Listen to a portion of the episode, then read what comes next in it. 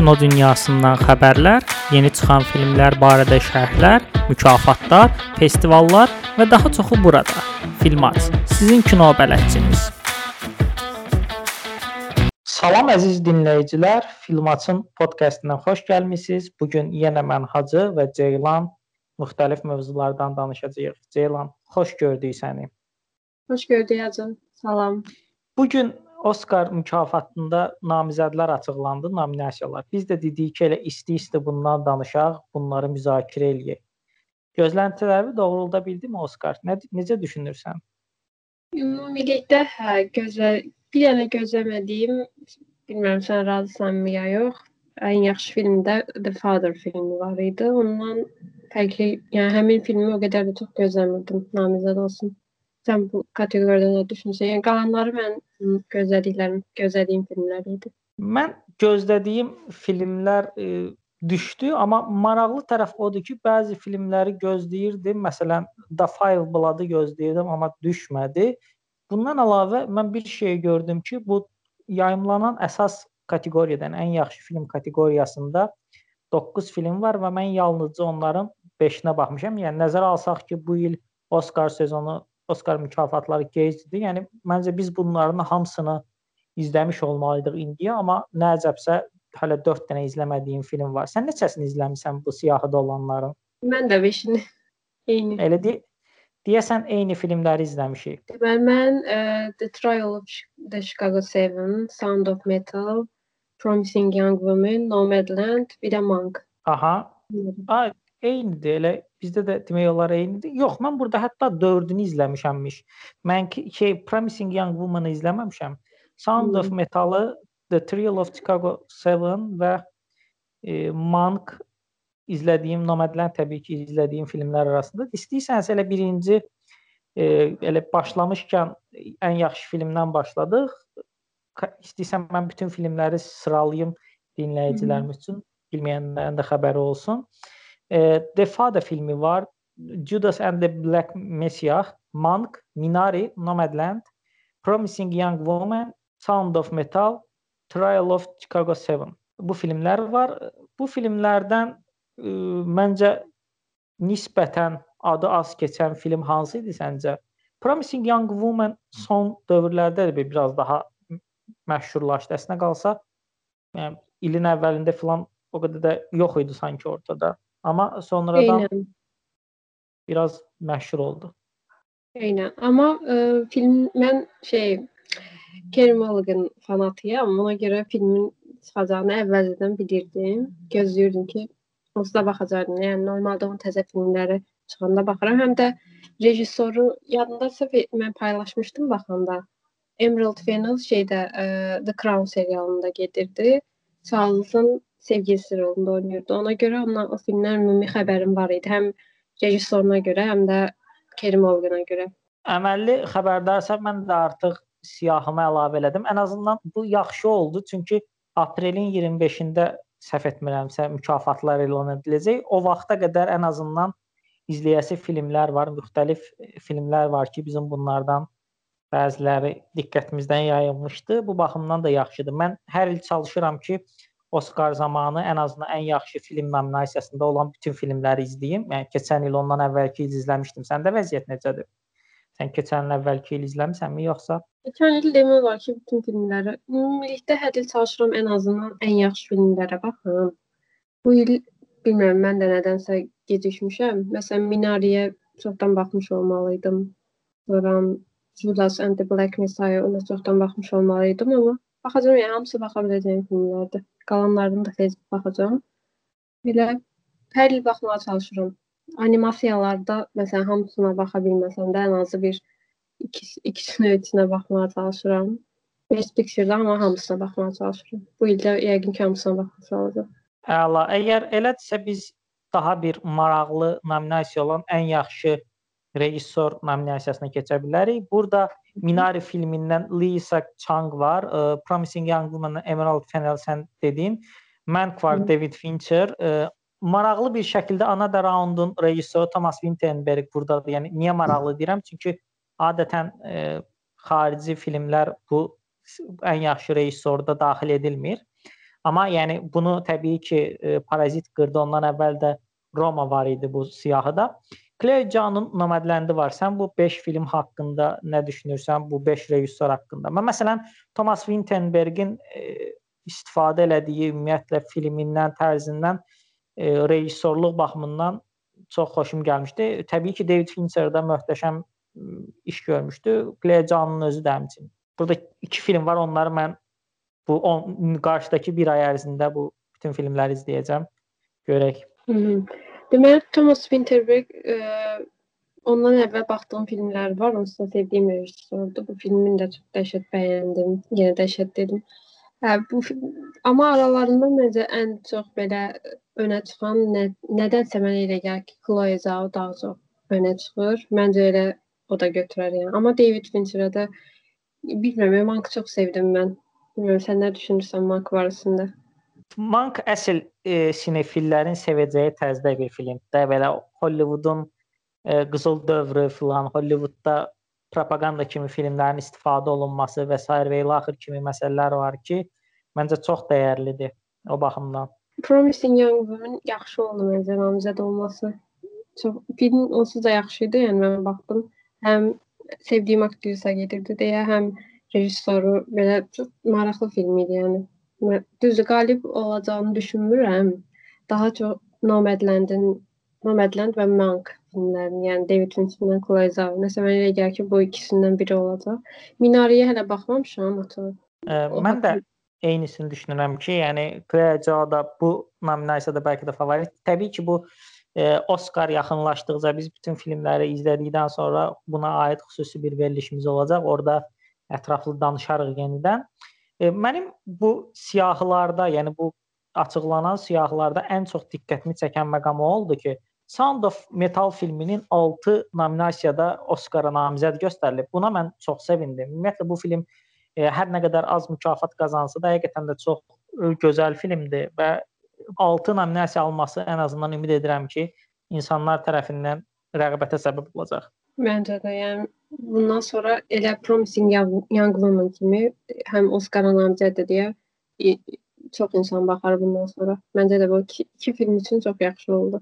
Çünki digər filmlərin onsuz da reklamı da çox yaxşı oldu. Yəni həm reklam barədə yox, sırf namizəd oldular da, məsələn, bir çox bilinən mükafatlara namizəd oldular deyə artıq adlarımız da hallanırdı. Amma bu iki filmin də belə Oscar-a namizəd olub daha çox insana çatması mənim də xoşuma gəldi. Yaxşı olar. Əgər Sound of Metal demişkən, elə gəl ən yaxşı aktyor nominasiyası ilə davam eləyək. Burada Riz Ahmed e, çox güclü bir performans sərgiləmişdi və ən yaxşı aktyor nominasiyasında namizəd göstərildi. Chadwick Boseman var təbii ki, ölümündən sonra namizəd göstərildi. Anthony Hopkins Ata filmindəki roluna görə, e, Gary Oldman Mank filmində və Steven Yeun Minari filmindəki roluna görə Steven Yeunu mən 2 il bundan qabaq, 2-3 il bundan qabaq Burning filmində izləmişdim və həqiqətən də adama heyran qalmışdım. Ümumiyyətlə o Burning filmi çox möhtəşəm bir filmdir. Hətta e, belə reklam şeyi kimi girməsin ortaya. Mən o filmi e, tərcümə eləmişdim və onu biz başla ilə birlikdə nümayiş etdirmişdik belə insanlara. Düzdür, illegal olsa belə e, tərcümə eləyib həqiqətən çox bəyənmişdim. İstəyirdim insanlar da izləsin bu filmi və tərcümə eləmişdim. Alt yazı hazırlamışdım. Sən nə düşünürsən namizədlər haqqında? Namizədlər açıq mənə elə gəlir ki, Chadwick Boseman götürər 100%. Amma Gary Oldman mənim favorimdir. Yəni bu ikisi arasında gedər çox güman, amma Chadwick Boseman götürər. E, məndən olsam Riz Ahmedə verərdim. Yəni mən e, o filmdə Riz Ahmedlə birlikdə kar olmağın necə bir şey olduğunu başa düşdüm, hiss elədim və mənim çox xoşuma gəldi. Yəni mən olsam Deyəsən mən Sound of Metal fanıyam deyəsən belə daim onu tərifləyirəm, amma həqiqətən mən e, həddindən artıq bəyəndim. Təbii ki, məsələn Gary Oldmanın özü çox yaxşı oynayıb. Yəni o filmi izlədiyin zaman görürsən ki, həqiqətən Gary Oldman filmi daşıyır.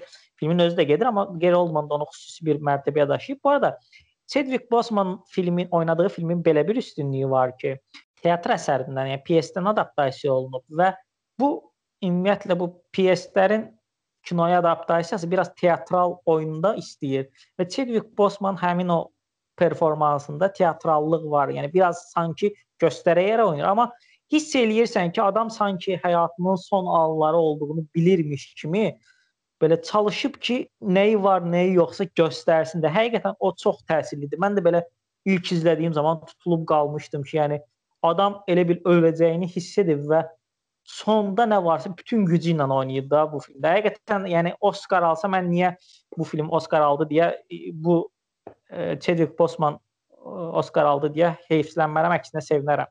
Eyni mən məncə də yəni ölümünü mənə də elə gəlir ki, bilirdi. Yəni həqiqətən çox acınacaqlı bir şeydir də. Bilirdi öləcəyini mənə elə gəlir. Biraz şey danışmış oldum, amma həqiqətən rolu yəni Oskara dəyər. Haqqıdır evet. yəni. Hətta belə bir söhbət də var idi ki, Chadwick Boseman e, əslində neçə ildir bilinirmiş onun xərçəng olduğu və buna görə də arıqlayırmış. Hətta ona bunu arıqladığına filan görə oyuna məzələnərlərmiş sosial mediada filan. Yəni e, çox maraqlı bir şey oldu orada. Belə insanlar sonra öləndən sonra belə şoka düşdülər ki, adam doğrudan da xəstə imiş və xəstə olduğuna görə bu dərəcədə arıqlayırmış və s. Yəni bir növ insanlara belə şillə kimi dəydi o məsələ. Bunu deyib e, ən yaxşı aktrisaya keçmək istəyirəm. Viola da Davis e, Marainis Black Bottom-la namizəd göstərilib. Andre Day var. E, Vanessa Kirby var Pieces of Woman filmi ilə, Frances McDormand var, Kerry Mulligan var. E, Kerry Mulliganı sən vurğuladın. Ümumiyyətlə mən belə baxıram ki, yəni çox güclü bir e, qadın aktyor siyahısı var və namizədlər də həddindən artıq güclüdür. Necə düşünürsən?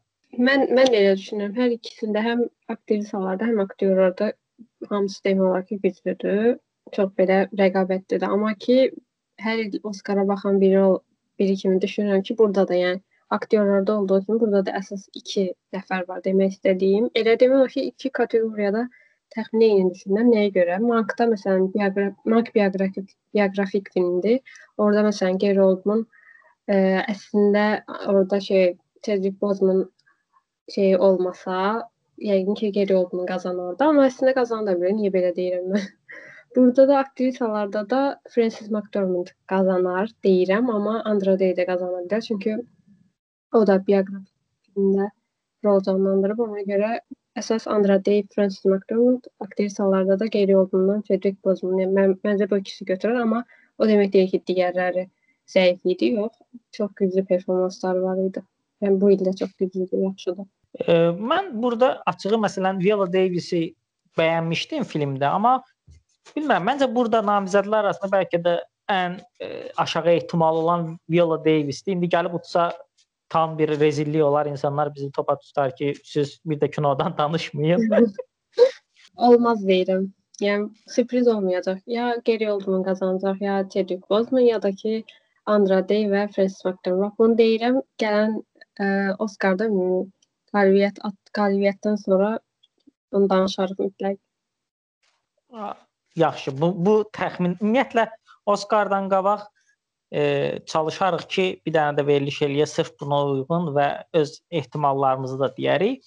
E, istəyirsənsə digər nominasiyaları da tez keçək. E, burada ən yaxşı köməkçi aktrisa və ən yaxşı köməkçi aktyor var.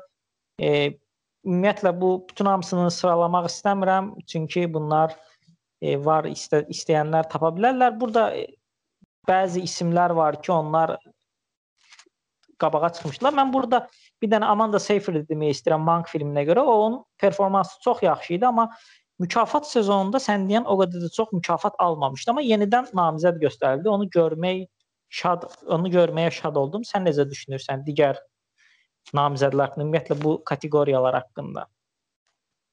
Ee, burada ən yaxşı aktrisa, yəni ki, köməkçi rol aktrisa mən mənə elə gəlir Yəni bir dənə demək olar ki, manka baxmışam burdan. Ona görə çox danışmaq istəmirəm. Mən də sevindim Amanda Seyfriedin olmasına.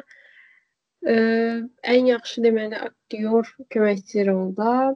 Burada görürəm hansına baxmışam. Burada bir dənə Sound of Metal-a baxmışam. Açıq ona görə bundan da çox danışa bilməyəcəm, amma Ə, Chicago 7-sinə baxmamısan? Sasha Baron Cohen. Hə, hə, gördüm onu. O bilmirəm, ola da bilər. O birilərinə baxmalıyam ona görə. Yəni bundan çox danışmaq üçün digərlərinə baxmalıyam mənə gəlir. E, digər nominasiyalardan diqqətli çəkən və haqqında ətraflı danışmaq istədiyin bir nominasiya varmı? Yoxsa necə düşünürsən? Məsələn, animasiya filmidir. Məncə burada animasiyada çox da tərəddüdə ehtiyac yoxdur. Soul, Wolfwalkers, Wolfwalkers təbii ki, yaxşı bir animasiyadır, amma Soul ə, yəqin ki, bütün o hype-ı da arxasına alaraq bu. Qabağa keçəcək və qalib gələcək. Mən elə düşünürəm. Bizim bu art house sevənlərin ən sevdiyi nominasiyadan danışaq məncə. Şey, beynəlxalq e, ən yaxşı xarici film. Burada, burada maraqlıdır ki, mən cəmi 2 filmə baxmışam. Normalda bu ə, e, kateqoriyada hamısına baxmaq baxmış olurdum, amma Another Round və e, kollektivə baxmışam. Kollektiv mənim onluq siyahımda da var idi 2020-ci ildə. Çox yaxşı bir e, sənədli filmdir. Yəni həqiqətən də çox dəyərli bir işdir. Digər tərəfdə isə Another Round möhtəşəmdir. Yəni mən çox bəyənirəm. Yəqin ki, sən də bunlardan maksimum ikisi üçün izləmisən. Çünki məsələn Kueva Vadis ayda düşməyib hələ internetə. Mən bildiyim qədərilə. Mən birinə baxmışam, Another Round. Qalanlarına hələ ki baxmamışam. A, mütləq kollektivi sənə izləməyi tövsiyə edirəm ki, kollektivi izlə izləyinəm. Aha, səndə görmüşdüm, onu 100% baxacağam, amma qalanlarına baxaram yəqin ki, içinə falan. Ən yaxşı amma Another Round götürərik. Məncə də, məncə də Another Round götürəcək. Yəni onsuz da o ən yaxşı rejissor şeyinə seçilibsə, yəni Hmm. Thomas Winterberg qora seçilibsə, böyük ehtimalla ən yaxşı xarici film nominasiyasında da qalib gələcək. Bu kollektiv demişkən ən yaxşı sənədli filmdən də danışaq. Kollektiv burada da nominasiyadır. Nominasiyalardan bir şey, yəni namizədlərdən biridir. Mən bu nominasiyada 3 film izləmişəm. Creep, Creep Camp var, The Mole Agent, My Octopus isə bir də Time var. Time filmini də izləmişəm. Creep Camp'ı da izləmişəm. Mən belə düşünürəm ki, bu filmlər arasında ən yaxşısı kollektivdir. Creep Camp'ın bu arada mövzusu çox maraqlıdır izləməyi tövsiyə edirəm. Əgər bizi dinləyənlərdən izləməyən varsa, deməli e, fiziki məhdudiyyətli insanların öz haqqları uğrunda mübarizəsindən bəhs eləyir və onlar necə bir yerdə gəlib bir yerdə bir kampda, necə bir yerdə tanış olurlar, bir-birlərlə münasibət qururlar, bir-birlərini tanıyırlar və onlar daha sonra öz haqqları uğrunda mübarizə aparırlar. Məncə izləməyə dəyər bir film. Məsələn, ən çox insanların maraqlandığı şeylərdən biri ən yaxşı sinematografiya ən yaxşı quruluşçu operator işi var ki, burada Nomadland var, News of the World var, Chicago 7-lisinin e, məhkəməsi var, Mank var, bir də Judas and the Black Messiah var. Məncə burada Nomadland biraz qabaqdadır sanki. Mank da yaxşıdır, amma Nomadland ən yaxşı quruluşçu operator nominasiyasında sanki təbiətlə, ümumiyyətlə o yüngül kamera ilə falan çəkməklə maraqlı bir iş ortaya qoyublar. Sən necə düşünürsən? Sinematografidə məncə də Mankla elə Nomadland biraz daha önə çıxıbdı. Qalanlarında məsələn Trial of the Chicago 7-də o qədər də böyük bir şey yox idi mənə elə gəlir. Mən elə düşünürəm. Orada böyük olmayan, yəni orada maraqlı filmin maraqlı hissələrindən biri sənədli evet. film kadrları idi. Onlar məsələn çox maraqlı idi. Filmi filmə xüsusi rəng qatırdı. Amma sən demiş bu film mən məncə al, al, almaz yəqin deyə düşünürəm. Məncə də. Həm də ki, Mank da ağqara olduğuna görə bəlkə ola bilər ki, o qədər də olmasın, çox önə çıxmasın. Yəqin ki, Nomadland qazanar, mən də düşünürəm. Ağqara olmağı, yəni məsələn Romada ağqara idi, amma Romada Alfonso Cuarón elə şeylər eləmişdi ki, mükafatı almışdı. Yəni məncə orada başqa faktorlar da var. E, belə burada məsələn ən yaxşı mahnı və musiqi kimi şeylər var. Bunlara toxunmaq istəmirəm. Çünki yəni çox vaxt dinləyicilərə də maraqlı olmur və məsələn burada bir dənə konkret e, əvvəlcədən qalibi olan bir film var. Best Sound, ən yaxşı səs miksajı nominasiyasında Hı. Sound of Metal. Sound of Metal hə, ən yes, səs yəni karlar haqqındadır və ironik bir şəkildə ən yaxşı səs e, Oscar'ını alacaq. Məncə e, çox ironik situasiyadır, amma həqiqətən də digərlərindən çox öndədir, çox qabaqdadır. Mən də, mən də elə düşünürəm. Belə, yəni bizim bu həftəlik xəbər bölümümüz e, burada yekunlaşır. Biz Oscar'ın hələlik ilkin namizədlərindən danışdıq. İndi keçirik e, verilişimizin ənənəvi digər hissəsinə. Biz burada öz izlədiyimiz filmlərdən danışacağıq. Bu həftə nələr izləmişik? Ceylan, sən səndəyik. Buyur, nə izləmisən? Məsləhət, Hı nə görürsən insanlara, ondan danış bizə. Okay, birinci filmim e, 1993-cü il istehsalı Remains of the Day filmidir. Filmin rejissoru James Ivory, Ivory'dir deməli. Filmin ümumi qısa bir mövzusunu deyim ki, 2-ci Dünya müharibəsində deməli İngiltərənin İngiltərədə daha doğrusu böyük bir ə, ev var. O evdə yaşayan, həm də xidmətçilik edən bütün evdəki xidmətçilərin başçısı olan Stevens adında bir personaj var. Ondan bəhs edir. Deməli ümumi mövzusu elə bu cür başlayır ki, həmin evdə xidmətçi olan Kenton Stevensə məktub göndərir. Daha doğrusu məktubda o Stevens filan məktub gəlib çatanda ümid edirik ki, təzədən həmin evdə bu ikisi bərabər çalışa bilərlər, amma başqa xidmət, yəni bu evin başçısı başqa başqa insan olacaq. Çünki əvvəlki ə, əvvəlki olan ə, evin sahibi artıq yoxdur. İkinci Dünya müharibəsindən sonra başına nələrsə gəlib yoxdur. Bu yəni ümumi mövzu belədir. Biz flashback-lə qayıdırıq Stevenslə Kentonun arasında həmin evdə nələr baş verdiyinə. Filmin ümumi bəyəndiyim ə, cəhətləri çox oldu. Çox çox bəyəndim. Həqiqətən çox yaxşı film idi. Deməli bu ə, Stevenson ə, işinə olan bağlılığı, sonra içində olan hissləri Ken Miss Kenton'a açıqlaya bilməməsi, içində saxlaması, bu şeylər, bu cür şeyləri xırda detallarla rejissor çox yaxşı çatdırmışdı. Məsələn, oradan bir səhnəni demək istəyirəm spoiler deyil ümumi. Yəni ki, elə filmlər seçirəm ki, spoiler çox olmasın. Burada da məncə spoiler deyil. Deməli, filmin səhnə, filmdə belə bir səhnə var idi ki, e, Miss Kentondan Stevens bir otağa, demək bir otaqda bir səhnə keçir. E, Stevens orada kitab oxuyur.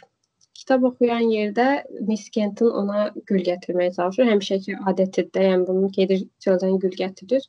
Gələndə orada Stevens kitab oxuyur. Həmin kitab buna maraqlı gəlir ki, nə oxuyur. Oradan isə aralarında bir, belə ə, təzyiqin çox yüksəkliyi bir səhnə olur. Çox belə yaxınlaşırlar. O gedir kitabı alır ki, nə oxuyursan. Həmin səhnədə biz Stevensin nə qədər belə içinə qapanıq biri olduğunu, hisslərini çölə çıxar çıxara bilməyən bir insan olduğuna şahid oluruq. Həmin səhnə ümumi mükəmməl bir səhnə idi. Həm də filmin mənə elə gəlir ki, Filmdə ümumiyyətlə bir kulminasiya səhnəsi yox idi. Məncə ortalarında çox yaxşı səhnələr vardı. Bu, bu səhnədə onlardan biri idi. O səhnədə elə Stevenson demək olar ki, xarakterinin nə olduğu daha çox ortaya çıxır, belə deyim. Həmin səhnədən sonra bir dənə də səhnə olur. Filmin o da çox önəmli belə xarakterin əsl iç üzünü deyim, nəyim deyim, ortaya sərən bir səhnə olur. Həmin səhnəni demək istəmirəm nə olduğunu, çünki spoiler ola bilər. Amma filmin mənə ən, tə ən təsir edən səhnəsi demək olar ki, bu səhnə idi. Onun atası ilə bu arada Stevenson atası ilə olan münasibətinə də xırda da olsa e, tanış olmuş oluruq ondan və onların arasında bir səhnə olur. E, həmin səhnədən sonra həqiqətən bu Stevenson işinə nə qədər, iş həm işinə, həm də sahibinə, evin sahibinə nə qədər bağlı olduğunu çox yaxşı şəkildə görmüş oluruq. Və ümumi filmin ən bəyəndiyim demək nöqtələrindən biri o idi ki, ə, Anthony Hopkins demək olar ki, filmi həqiqətən elə alıb götürür, həqiqətən. Filmin ən son səhnəsindən əvvəlki bir dənə səhnə var, sondan bir əvvəlki səhnə. O səhnədə Emma Thompsondan, hansı ki Miss Kentonu canlandırır, onunla bir səhnəsi var. O son səhnədə e, Anthony Hopkinsin baxışı film, yəni filmin ən belə mükəmməl səhnələrindən biridir mənə görə. Həmin səhnədə Anthony Hopkinsin nə qədər baba aktyor olduğuna şahid oluruq. Mən şəxsən çox bəyəndim onun aktyorluğunu, həm də Emma Thompsonun aktrisalığını. Çox yaxşı film idi. Yəni İngiltərənin 2-ci Dünya müharibəsi ərəfəsindəki sinifi e, mübarizəyə və yaxud da nə bilim müharibədən sonrakı hətta bu sinifin müharibənin nə yerə gəlib çatdığına, onları xidmətçilərə təsirinə, Sonra yıxılan bir ölkədə belə ayaqda qalmağa çalışan insanların hekayəsinə girmiş oluruq belə deyim. Bundan sonra da dəfələrlə izləyəcəyim filmdir. Elə bir kitab oxuyurmuşsan kimi olursan, elə bir hiss var idi. Hamıya izləməyə məsləhət görürəm. Mən filmi ə, neçə gündür daxil eləmişəm Netflix-də izləməsi yaxındır. Netflix-ə deyəsən təzə gəlib. Watch listə əlavə eləmişəm, qalıb orada. Yəqin ki, bu resenziyadan sonra, bu reviewdan sonra E, bu gün izləyəcəyim bu verilişi bitirdikdən sonra izləyəcəyim film elə bu film olacaq. E, biz ənənəmizə sadiq qalırıq da. Sənin və mənim danışdığım filmlər adətən biz bir-birimizin danışdığı filmləri izləmirik. Yəni təsadüf hələ ki budur. Mənim danışmaq istədiyim bu gün iki filmdən ikisi də türk filmidir. E, biri Netflix-in təzəlikcə yayımlanan Kağıtdan Həyatlar filmidir. Filmi bəyənmədim. Əslinə qalsa film 90-cı illərin sonunda filan çəkilsəydi, bəlkə də bizə maraqlı olardı. Bəlkə də biz həmin filmi bəyənərdik. Amma bu mövzular, bu tərz, bu stilistika o qədər çox işlənib ki, o qədər çox bizim qarşımıza çıxıb ki, bu tərz temalar o qədər çox işlənilib ki, e, yeni heç nə vermir.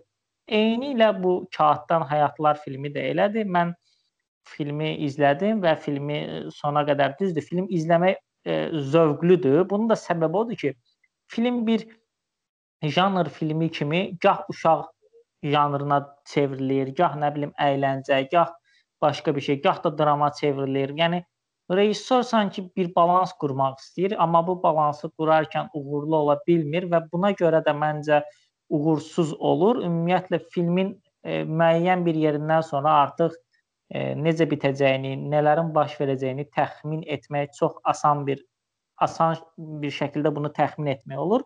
Ona görə də düşünürəm ki, e, bu film okey Çağatay Ulusoy oynayıb, biraz da belə nə bilim teatral bir şeylər eləyib filan, amma e, yenə də bəyənmədiyimi söyləyə bilərəm. E, izləməyən varsa da izləməsin. Yəni çox da bir şey itirmir, amma izləmək istəyənlər varsa da özləri bilərlər. Əgər yəni amma izləməsəniz də olar. Yəni mən qısaca bunu deyim ki, izləməsəniz də olar.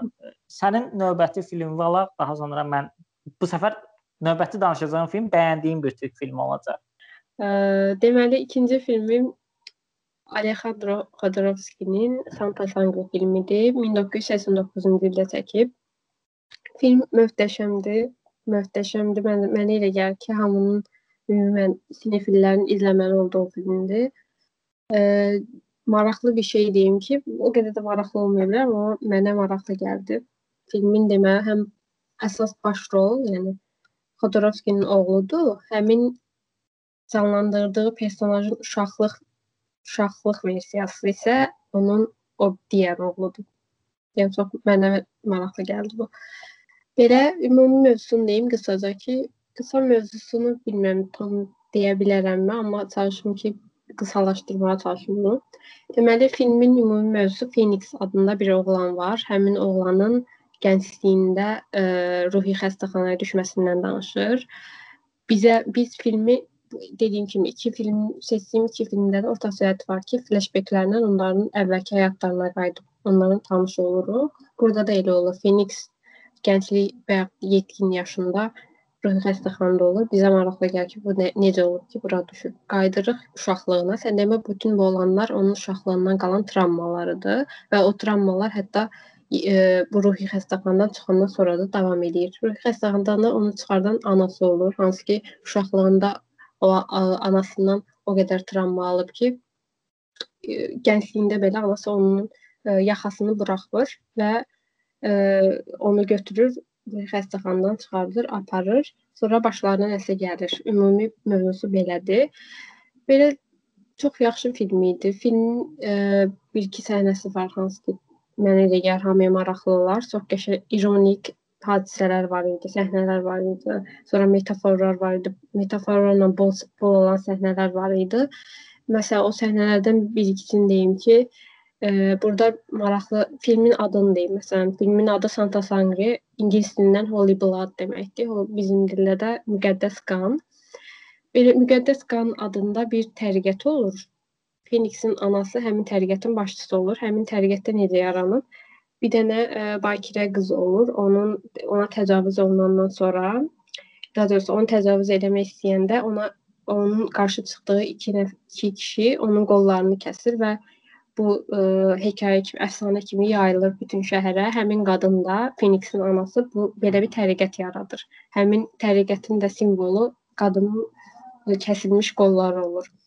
Belə maraqlı bir şey olur ki, sonradan həmin onun Phoenixin anası tər o təriqətin başçısı olmasına baxmayaraq həmin şey onun da başına gəlir belə. Amma o ə, rahibə və yaxud da müqəddəs bir insan olmur. Tamam əksi bir şey olur. Yəni bu mənə çox ironik gəldi. Həm də mükəmməl səhnələri var idi, bir-birinə oxşayan, amma əslində bir-birindən fərqli olan. Sonra onun ə, uşaqlıq travmaları təkcə bununla bitmir. O nə qədər travmalar ə, travmaları olur, onlara qayıdırıq. Çox çox yaxşı film idi. Ümumilikdə e, demək olar ki, filmin hər saniyəsindən zövq aldım. Həm çox rəngli səhnələri var idi, həm e, demək olar ki, Phoenixin uşaqlığı sirkdə keçdiyi üçün demək olar ki, sirkdə anadan olur. Anası, atası e, sirkdə tanış olur və o da elə sirkdə doğulan bir uşaq olur. Orada başına gələn sonra uşaqlıq dostları, sonra onun gələcəkdə yenə də qarşısına çıxır. Amma film ortalardan sonra, sonlara yaxın belə bir tamamilə dəyişikliyə uğrayır. Film əvvəlcə belə çox əyləncəli bir film gör kimi görsənsə də, birdən dönür horrora, qorxu filminə. Onu da çox bəyəndim məsələn. Heç belə gözləmədiyim yerdən qorxu filminə çevrildi. Çox qəşəng idi. Sonda da ə, spoiler vermək istəmirəm deyə deməyəcəm, amma sonlara yaxın belə bir ə, səhnələr olur ki, orada şok oluruq. Həm də rejissorun bizə əvvəlcədən necə gözümüzə bəzi şeyləri göstərməyə çalışdığını, yəni illüziyalar elədiyini şahid oluruq. Çox yaxşı film idi. Məncə dediyim kimi sinefillərin mütləq baxmalı olduğu filmdir. Çox gözəl metaforlar, ironik səhnələr, e, sirkdə olan səhnələrin ümumən ayrı bir havası var. Çox yaxşı filmdir. Mütləq baxılmalıdır məncə. Əla. Sənin danışdığın filmə əlavə olaraq mən öz filmimdən danışmaq istəyirəm. Bu arada mən Xodorkovskinin 2 ya 3 filminə baxmışam. Mənim izlədiyim 2013-cü ildə çəkdiyi filmin adı nə idi? Onu izləmişdim. Məsələn, o çox möhtəşəm idi. O da öz uşaqlığı filan barəsində idi. Orada da bir surreal məsələlər filan var idi. Həqiqətən Xodorkovski filmlərini izləmək tamamilə fərqli bir təcrübədir, fərqli bir zövqdür, insana fərqli hisslər yaşadır.